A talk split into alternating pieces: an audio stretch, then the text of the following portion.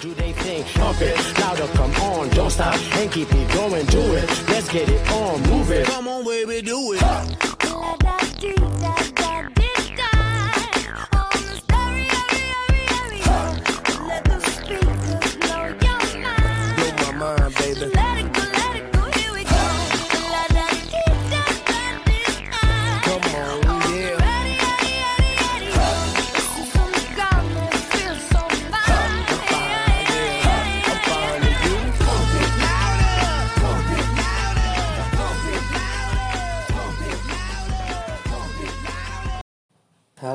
Selamat pagi semuanya. Kembali lagi dengan Pak Farhan di sini. Kita hari ini akan membahas tentang materi esensial uh, kelas 7 ya. Ya, mohon maaf karena terlambat ya karena banyak banget agenda pada akhir-akhir ini. Oke. Oke, langsung aja kita bahas biar nggak kelamaan. Uh, silahkan buka materi esensialnya kemarin udah Bapak kirim kalian gitu. Nah, kita akan bahas 1 sampai 30 yang nantinya Bapak ada ya sedikit tambahan gitu. Yang pertama, contoh bentuk dari interaksi antar ruang. Nah, eh, dalam interaksi antar ruang ini nanti ada dalam hal menjelaskan pada perpindahan penduduk, perpindahan informasi dan transportasi. Kalian harus bisa membedakan ketiga itu apa itu perpindahan penduduk, apa itu perpindahan informasi dan transportasi, dan apa yang membedakan dari uh, ketiga hal tersebut. Lalu terkait tentang complementarity, intervening opportunity, dan transferability. Kalian harus ingat ya, complementarity itu apa, intervening opportunity itu uh, kayak ada kesempatan kayak gitu, transferability terkait tentang uh, jarak dan aksesibilitas kayak gitu. Nanti dalam soal itu diberikan pernyataan, kemungkinan ya diberikan pernyataan dan kalian disuruh menganalisis masuk manakah kegiatan tersebut atau masuk uh, complementary, intervening, opportunity, intervening opportunity atau transferability atau masuk ke perpindahan penduduk, perpindahan informasi dan transportasi gitu. Nah, uh, terkait complementarity intervening opportunity transferability ini udah udah kayaknya udah katam ya kalian ya istilahnya ya. Udah udah uh, berkali-kali bapak bahas. Jadi ya skip aja. Nah. Untuk nomor 2 ini tuh materi masih terkait dengan nomor satu. Nantinya pada soal akan diberikan gambar dan kalian disuruh mengidentifikasi. Gambar tersebut merupakan bentuk dari interaksi antar ruang berupa apa gitu.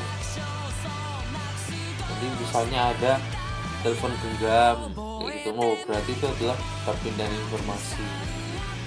Ada KRL atau MRT nah itu adalah transportasi gitu. Nomor tiga masuk ke komponen peta. Komponen peta seperti yang kalian ketahui ada banyak banget dari unsur-unsur simbol hingga eh dari unsur-unsur hingga sampai ke simbol. Nah kalian harus uh, yang harus kalian hafal sih kayak letak-letaknya kayak gitu. Judul itu ada di mana legenda ada di mana kayak gitu. Itu yang harus kalian tahu. Nah, kemungkinan soalnya terkait itu. Misalnya unsur apa aja yang harus ada dalam peta, komponen apa aja yang harus ada dalam peta kayak gitu. Kalau tentang simbol ya kalian harus tahunya um, yang secara garis besar aja kayak ibu kota negara, ibu kota provinsi, kayak gitu gunung berapi itu gimana, gunung tidak aktif itu gimana. Tapi itu hanya satu soal. Nah kita besok uh, mengerjakannya 30 soal aja ya dari yang bikin adalah dari kabupaten. Semoga kalian juga mendapat nilai yang bagus. Selanjutnya, akibat letak astronomis. Akibat letak astronomis itu apa aja? Ini Bapak menyebutkan beberapa, nanti bisa kalian tambahi dengan kalian membaca. Yang pertama, iklim tropis di Indonesia karena ga- garis khatulistiwa. Nah, garis khatulistiwa itu akibat adanya letak astronomis, letak astro- astronomis Indonesia.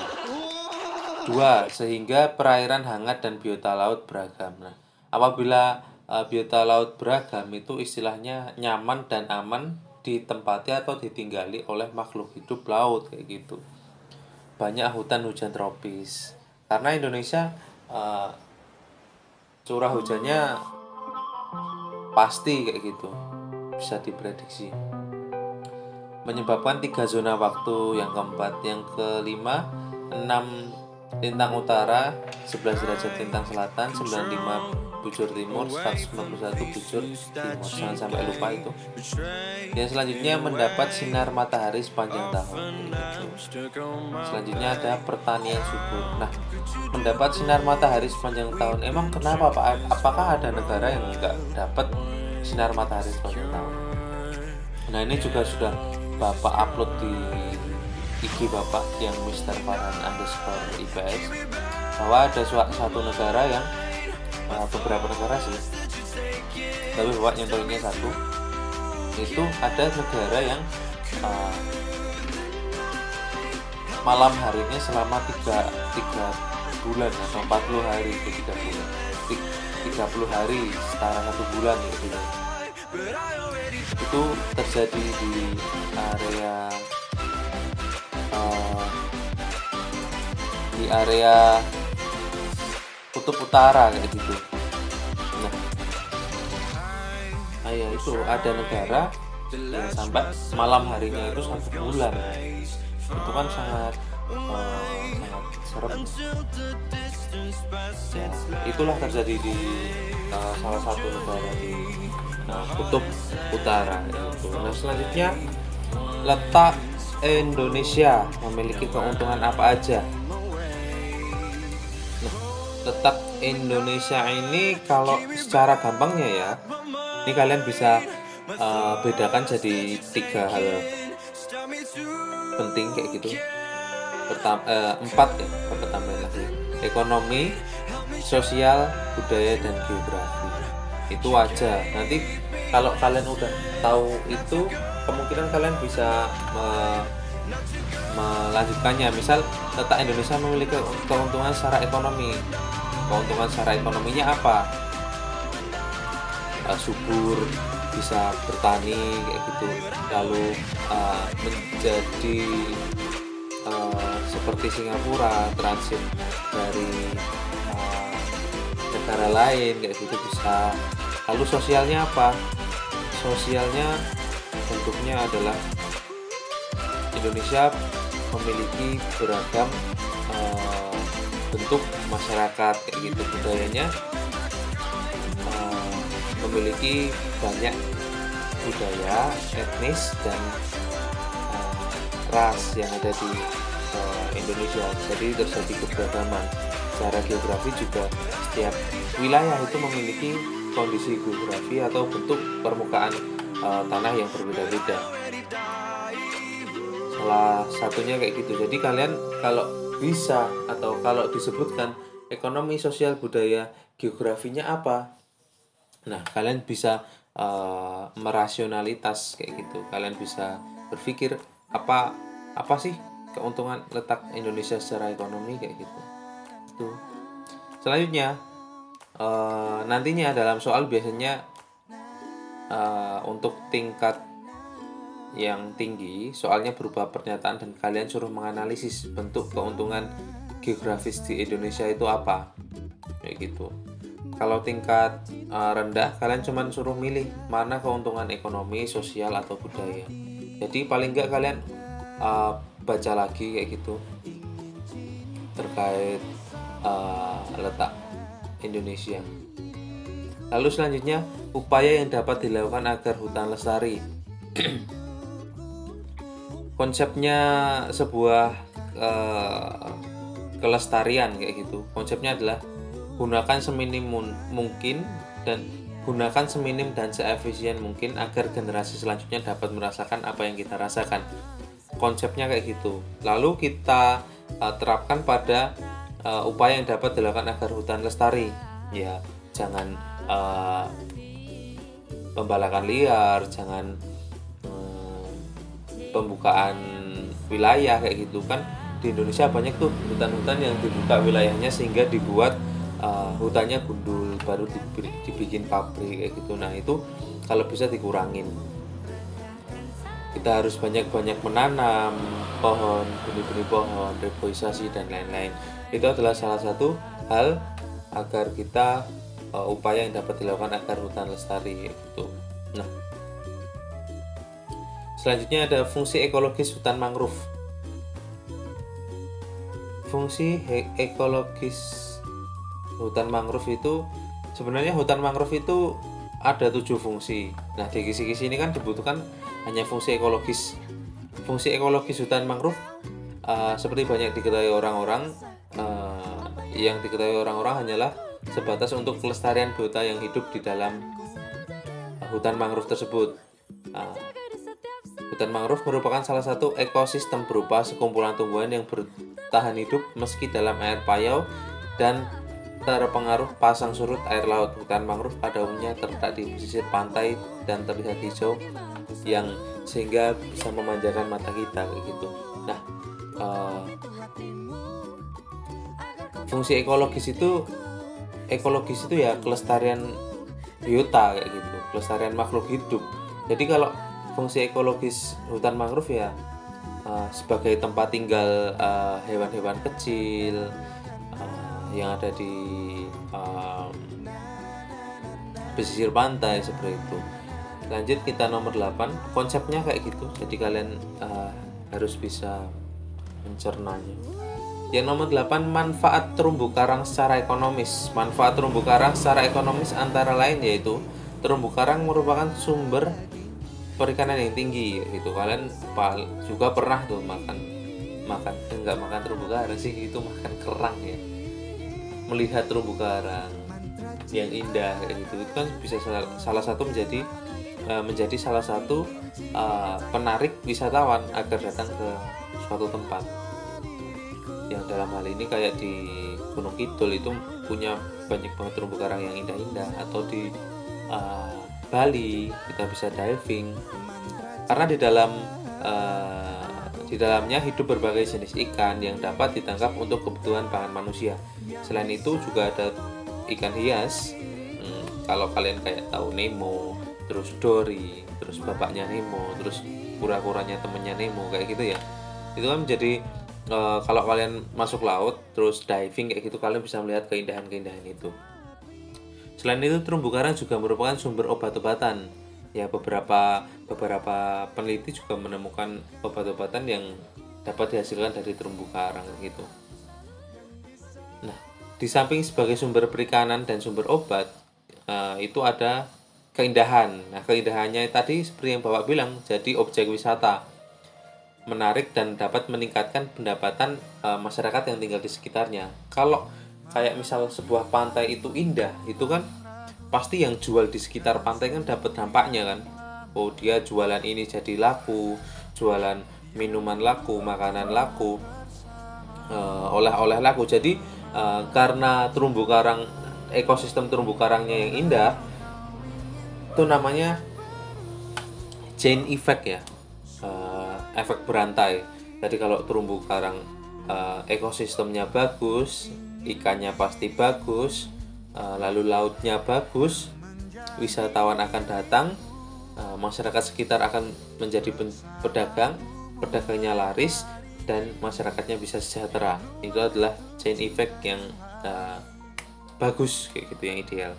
Masyarakat sekitar dapat memanfaatkan biota yang hidup di terumbu karang seperti rumput laut, udang, dan ikan yang dijadikan sumber makanan yang nantinya dapat dijual atau digunakan sehari-hari. Berbagai jenis eh, na- nantinya kalau ada eh, terumbu karang itu bakal ada berbagai jenis ikan kayak teripang dan rumput laut yang hidup di terumbu karang juga dapat dimanfaatkan sebagai bibit untuk budidaya. Nah, itu adalah eh, beberapa manfaat dari eh, ekosistem terumbu karang. 9. Cara untuk menekankan laju pertumbuhan penduduk. Untuk eh, menekan laju pertumbuhan penduduk, laju pertumbuhan penduduk itu adalah eh, pertambahan penduduk yang eh, pertambahan penduduk ya, laju pertumbuhan penduduk. Nah, apa aja nih cara menekan agar pertumbuhan penduduk itu enggak uh, over kayak gitu yang pertama menjadi anti natalitas kayak gitu kalian bisa tahu natalitas itu adalah kelahiran jadi uh, kayak ada pro dan anti natalitas. Jadi kalau pro itu ya uh, ingin pertumbuhan penduduk terus tapi kalau anti natalitas ya uh, mengurangi hal tersebut. Yang kedua memajukan pendidikan. Memajukan pendidikan ini agar kayak banyak anak banyak rezeki itu uh, udah nggak relevan lagi. Karena sekarang uh, anak sedikit pun rezeki juga tetap banyak kayak gitu lalu pemerataan pembangunan. Ini diakibatkan eh ini di, di diinginkan pemerintah agar uh, setiap wilayah memiliki nah seperti itu. Lanjut ke uh, selanjutnya mengatasi kepadatan dan persebaran penduduk yang tidak merata. Nah kayak uh, Indonesia dahulu. Indonesia dahulu tuh uh, penduduknya banyak banyak kan cuman di Jawa aja. Tapi saat itu ada pemerintahan Pak Soeharto dibikinkan sebuah uh, kebijakan transmigrasi. Jadi uh, orang-orang yang ada di Jawa uh, ada program transmigrasi pindah ke Kalimantan atau Sulawesi. Eh Kalimantan atau Sumatera yang di sana nanti disediakan uh, tempat ladang dan rumah dari pemerintah itu salah satu uh, mengatasi padatan penduduk yang dulu sempat ada di Indonesia. Nah, sekarang itu bisa dilakukan dengan beberapa uh, kebijakan juga atau beberapa ide. Yang pertama, pembera, pem, pemerataan pembangunan infrastruktur, lalu mengalihkan industri besar ke daerah, membangun industri kecil di pedesaan, menggalakkan pariwisata, promosi investasi, memisahkan pusat pemerintahan dan pusat bisnis. Nah, kalau cuman dikatakan itu kalian mungkin nggak terlalu paham ya. Tapi dari uh, Bapak uh, kasih tahu tadi itu fungsinya agar apa? Agar uh, masyarakat itu tidak menetap di satu titik aja gitu. Kayak pemerataan pembangunan infrastruktur.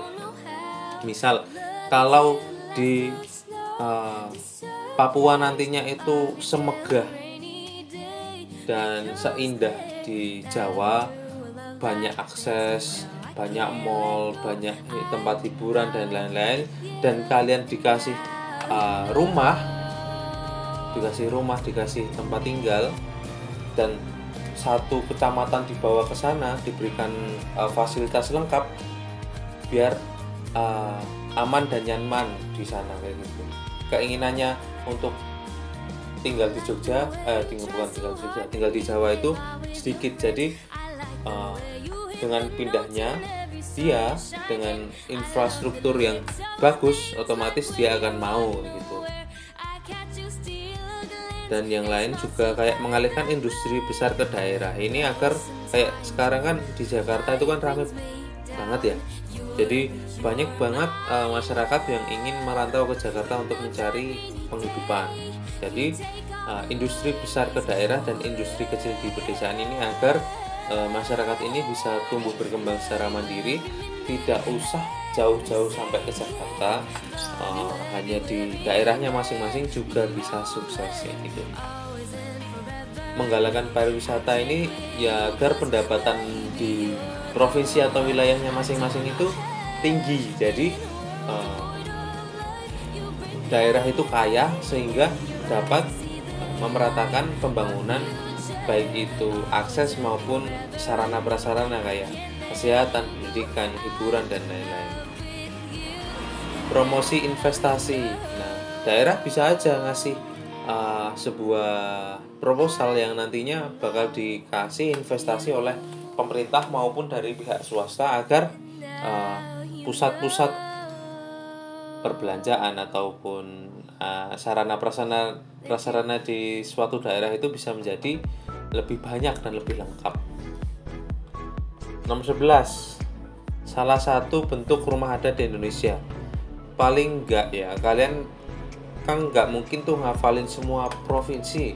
Nah kalian paling nggak tuh tahu eh, corak-corak atau desain dari setiap pulau di Indonesia kayak gitu. Corak rumah adat uh, per pulau di Indonesia misal Sumatera itu kayak gimana Kalimantan itu gimana Jawa Sulawesi dan Papua itu paling nggak gambarannya itu kalian tahu nah nomor 12 flora khas Yogyakarta.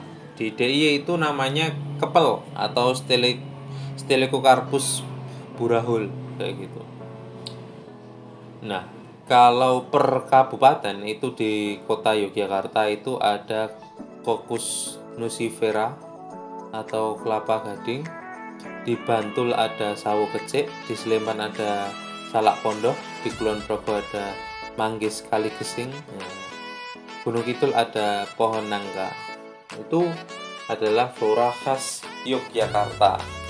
Kita menuju ke Jawa Timur fauna yang berada di Jawa Timur kalau fauna identitasnya itu adalah ayam betisar kalau di Jawa Timur tapi di sana itu eh, ada hewan hewan lainnya ya jelas ada hewan lainnya ada jenis ikan air tawar burung mamalia dan alap-alap. Itu di Jawa Timur banyak banget ya itu nah kita nomor 14 nih.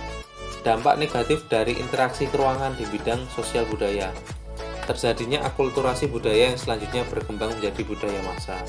Mempercepat perubahan pola kehidupan bangsa membuat sikap menutup diri dari berpikir sempit konsumerisme, hedonisme, terkikisnya budaya sendiri, dan timbulnya budaya western. Terjadi, kita balik ke nomor satu tadi, terjadi akulturasi budaya, itu kayak misal ada budaya lain masuk ke Indonesia, lalu bercampur ke budaya eh, Indonesia sehingga budaya Indonesia udah nggak murni lagi. Ya which is itu nggak nggak nggak jelek-jelek banget. Tapi kalau itu bisa kalau itu akan terus ada sampai berpuluh-puluh tahun nanti kuat-kuatan mana yang paling kuat antara uh, budaya Indonesia atau budaya luar? Kalau kuatan budaya luar ya udah. Nanti budaya Indonesia bisa terkikis atau hilang gitu. Nah konsumeris dan hedonis ini contohnya apa? Ini banyak banget nih. Kalian pasti yang suka K-pop ya. Pasti kalian konsumeris banget kayak mau beli lightsticknya beli uh, foto albumnya beli albumnya. Apalagi sekarang yang ada kalau beli album dapat dapat kayak card gitu loh foto foto gitu kan. Nah apalagi itu harganya mahal-mahal kan nggak ada yang mau. itu adalah salah satu konsumeris dan hedonis. Kalau hedonis tuh kayak beli ya tahun ini udah beli ah, tahun kemarin udah beli iPhone 10 XR misalnya terus belum genap satu tahun udah ganti iPhone 11 belum genap setahun udah beli iPhone 12 kayak gitu itulah hedonis ya. hanya mengikuti gaya hidup aja kayak gitu. Misal udah beli sepatu Air Jordan beli lagi beli lagi beli lagi. Gitu buat hanya buat gengsi-gengsian aja. Nah itu adalah hedonis. Kalau budaya western budaya western itu budaya barat. Budaya barat itu kayak kayak cara berpakaian aja dari fashion kayak gitu. Uh, nggak menutup ke seluruh badan itu yang terjadi. Jadi kalau budaya Indonesia gimana? Ya baiknya memang menutup seluruh bukan seluruh badan ya. Memang menutup apa yang harus ditutup kayak gitu. 15 pengaruh yang ditimbulkan pada interaksi antar ruang. Ada perubahan penggunaan lahan berubahnya struktur perekonomian berkembangnya sarana prasarana perubahan orientasi mata pencarian dan timbulnya berbagai perubahan sosial budaya. Yang nomor 16 itu nanti ada gambar interaksi sosial. Kalian dapat menganalisis apa yang terjadi pada interaksi tersebut apakah asosiatif atau disosiatif. Asosiatif itu menuju ke kebaikan atau konstruktif membangun dan disosiatif itu lebih ke destruktif atau perpecahan gitu. Nah, selanjutnya ada analisis interaksi sosial berdasarkan sosiometri. Nah, sosiometri sendiri ini sangat sulit ya sebenarnya, tapi nggak tahu kenapa kok sosiometri ini dimasukkan dalam kisi-kisi ini. Sosiometri itu alat meneliti struktur sosial sosial dari suatu kelompok individu dengan dasar penelaahan terhadap relasi sosial dan status sosial dari masing-masing anggota kelompok yang bersangkutan. Sosiometri alat untuk melihat bagaimana hubungan sosial dan hubungan berteman. Sosiometri merupakan suatu metode untuk memperoleh data tentang hubungan sosial dalam suatu uh, kelompok yang berukuran kecil sampai sedang berdasarkan preferensi pribadi antara anggota-anggota kelompok. Dari berbagai pendapat di atas dapat disebutkan pengertian sosiometri adalah teknik untuk mengumpulkan data tentang hubungan sosial seseorang individu dengan individu lain, struktur hubungan individu dan arah hubungan sosialnya dalam suatu kelompok. Nah, analisis interaksi sosial ini nantinya pada suatu uh, masyarakat ya. Itu misal ada si Pak Pak Joni gitu, Pak Joni hidupnya gimana? Uh, kalau berdasarkan sosiometri ya, uh, apakah sering melakukan interaksi kepada sekitar, sering melakukan uh, sosialisasi, uh, bentuknya apa?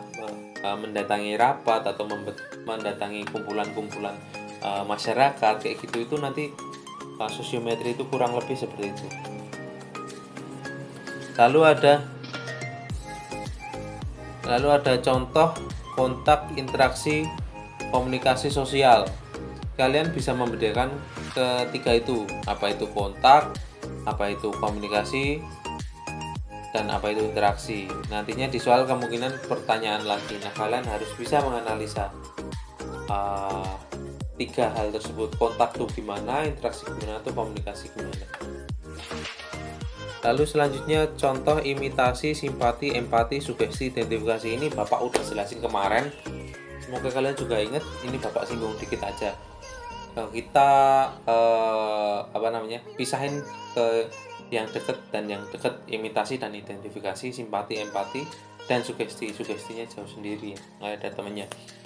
Imitasi. Imitasi itu ingin meniru cuman untuk keren-kerenan aja kayak gitu. Misal uh, nanti di soal di soal itu pasti akan mengecoh kayak gitu. Seseorang eh, mengecat rambutnya seperti Agnes Monica agar terlihat keren. Nah itu adalah imitasi sangat bisa identifikasi ya. Kalau identifikasi itu uh, alasannya itu ingin menjadi orang tersebut. Misalnya rambut agar sama kayak Jimin BTS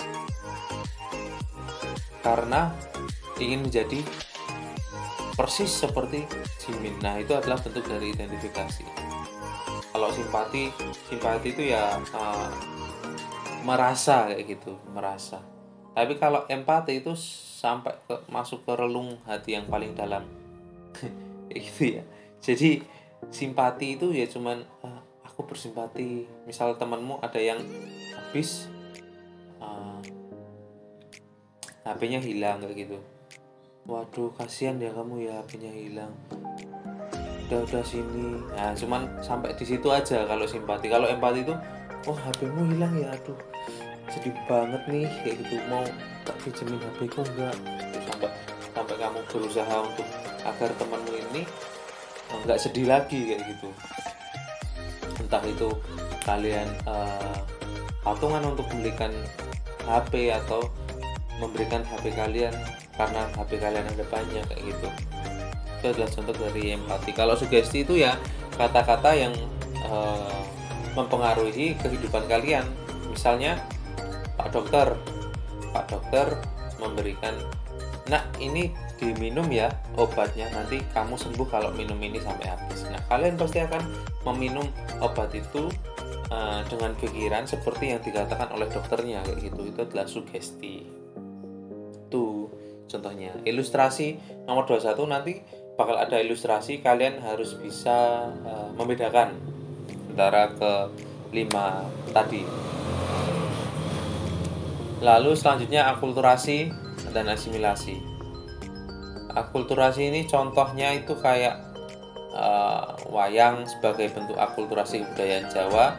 Tokoh wayang itu eh, kayak Semar Gareng Petro Bagong dan eh, cerita India dengan India. Cerita yang diambil dari kitab Ramayana dan Mahabharata. Akulturasi ini lebih ke eh, mereka budaya tersebut tuh nggak hilang kayak gitu nggak melebur tapi jalan berdampingan. Nah ini juga contoh selanjutnya. Masjid Menara Kudus merupakan contoh akulturasi antara Islam dan Hindu. Karena di dalamnya itu sebagai masjid fungsinya itu sebagai masjid. Gitu itu kan Islam ya. dan ciri fisiknya itu menyerupai bangunan pura agama Hindu.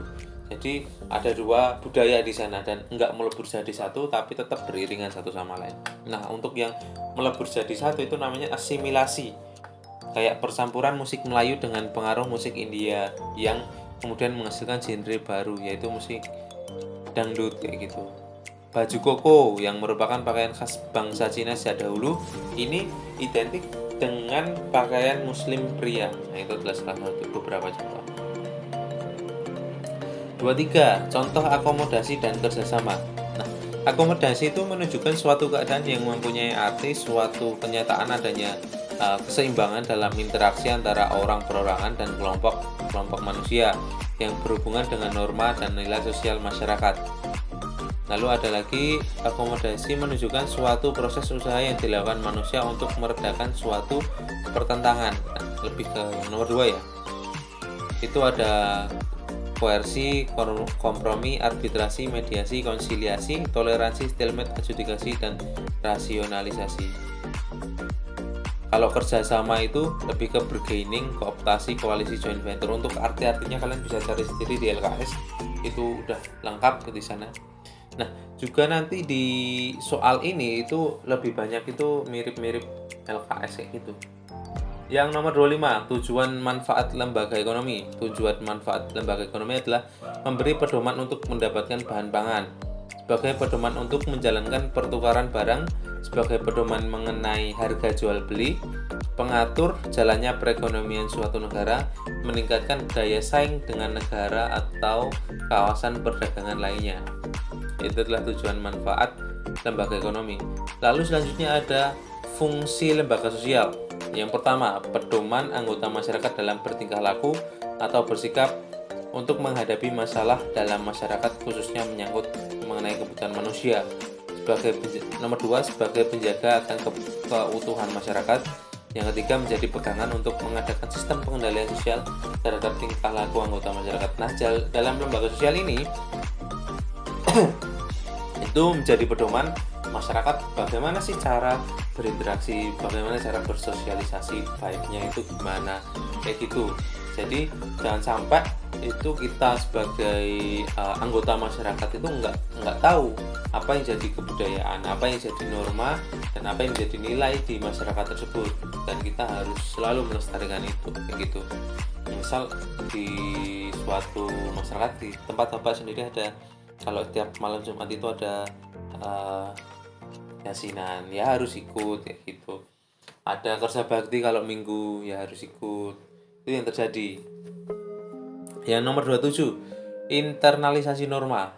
Pengertian dari internalisasi secara umum itu proses pemasukan nilai-nilai sosial yang baru didapat kedalaman pemikiran atau pandangan hidup seseorang untuk kemudian ditelaah dan diamalkan secara keseluruhan ataupun sebagian. Dari internalisasi sendiri itu proses penanaman nilai dan norma dalam diri individu yang kemudian uh, menjadi bagian dari kehidupan uh, individu tersebut dalam uh, kehidupan masyarakat maupun menjaga keteraturan sosialnya. Misalnya orang tua mengajarkan budi pekerti kepada anak sejak dini. Nah, otomatis orang tua itu akan mengajarkan hal-hal yang baik. Nah, hal-hal yang baik itu bisa dikatakan norma atau nilai gitu. Norma atau nilai itu kalau di diajarkan orang tua sejak dini itu pasti akan meresap di diri seorang dan akan dijawantahkan atau di uh, ada aksinya. Nah, itu adalah bentuk dari internalisasi norma. Ada uh, mengajarkan kepada anak untuk selalu beribadah kepada Tuhan itu adalah beberapa contoh uh, internalisasi norma. Salah satunya kayak menanamkan kebiasaan sejak dini menghormati orang yang lebih tua dari kita gitu. Paling nggak kalian udah tahu ya. Lalu selanjutnya ada ada norma. Nah norma norma sendiri itu ada cara lalu ada kebiasaan, lalu ada tata kelakuan, lalu ada adat istiadat atau custom ini juga udah bapak bapak bapak ini ya bapak jelasin ya tentang norma. Nanti kalau uh, butuh lagi nanti bapak buatin, tapi tinggal besok sih. Ada di, di ini buku Lalu ciri pendidikan informal. Ciri pendidikan informal ini uh, adalah bentuk dari jalur pendidikan keluarga dan lingkungan. Nah, uh, pendidikan itu kan bisa dibagi jadi tiga ya, informal, non formal, terus formal gitu. Informal tuh kayak pendidikan keluarga dan lingkungan. Kalau non formal itu kayak uh, kayak apa namanya homeschooling kayak gitu kalau formal ya sekolah itu bentuk dari uh, beberapa pendidikan di Indonesia.